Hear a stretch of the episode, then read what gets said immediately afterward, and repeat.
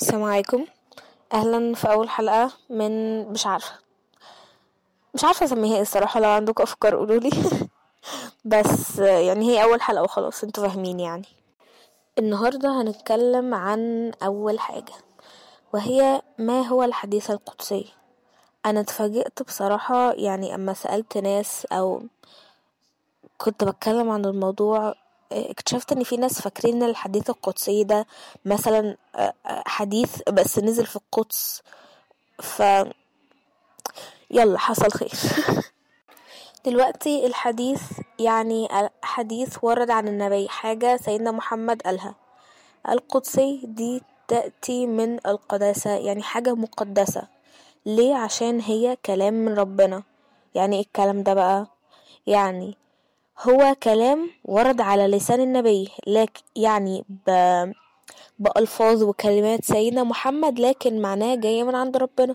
يعني ربنا قال لسيدنا محمد قل لهم كذا كذا كذا. فسيدنا محمد بيوصل لهم الفكرة بألفاظه هو. طب دلوقتي الحديث القدسي ده بيحصل إزاي؟ هو أكيد مش قرآن. القرآن بينزل بوحي. الحديث القدسي غالبا بيأتي لسيدنا محمد في رؤية أو إلهام. يعني يشوف في المنام ربنا بيقول له لهم كذا كذا كذا. فهو سيدنا محمد بيقول لهم كده. بس مش قرآن. القرآن بينزل بوحي مع سيدنا جبريل.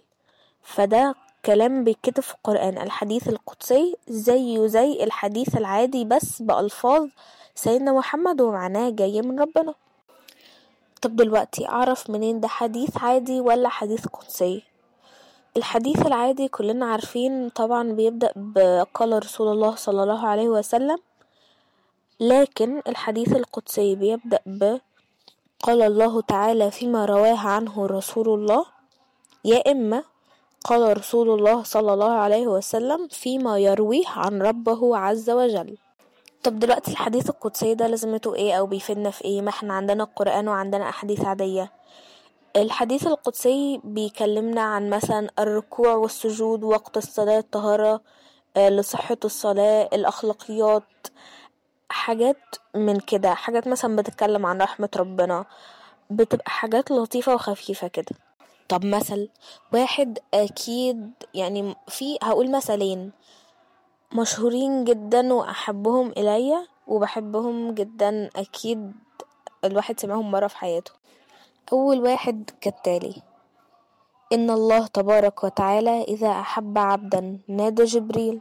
قال له إن الله قد أحب فلانا فأحبه فيحبه جبريل. ثم ينادي جبريل من في السماء إن الله قد أحب فلانا فأحبوه فيحبه أهل السماء. ويوضع له القبول في الأرض.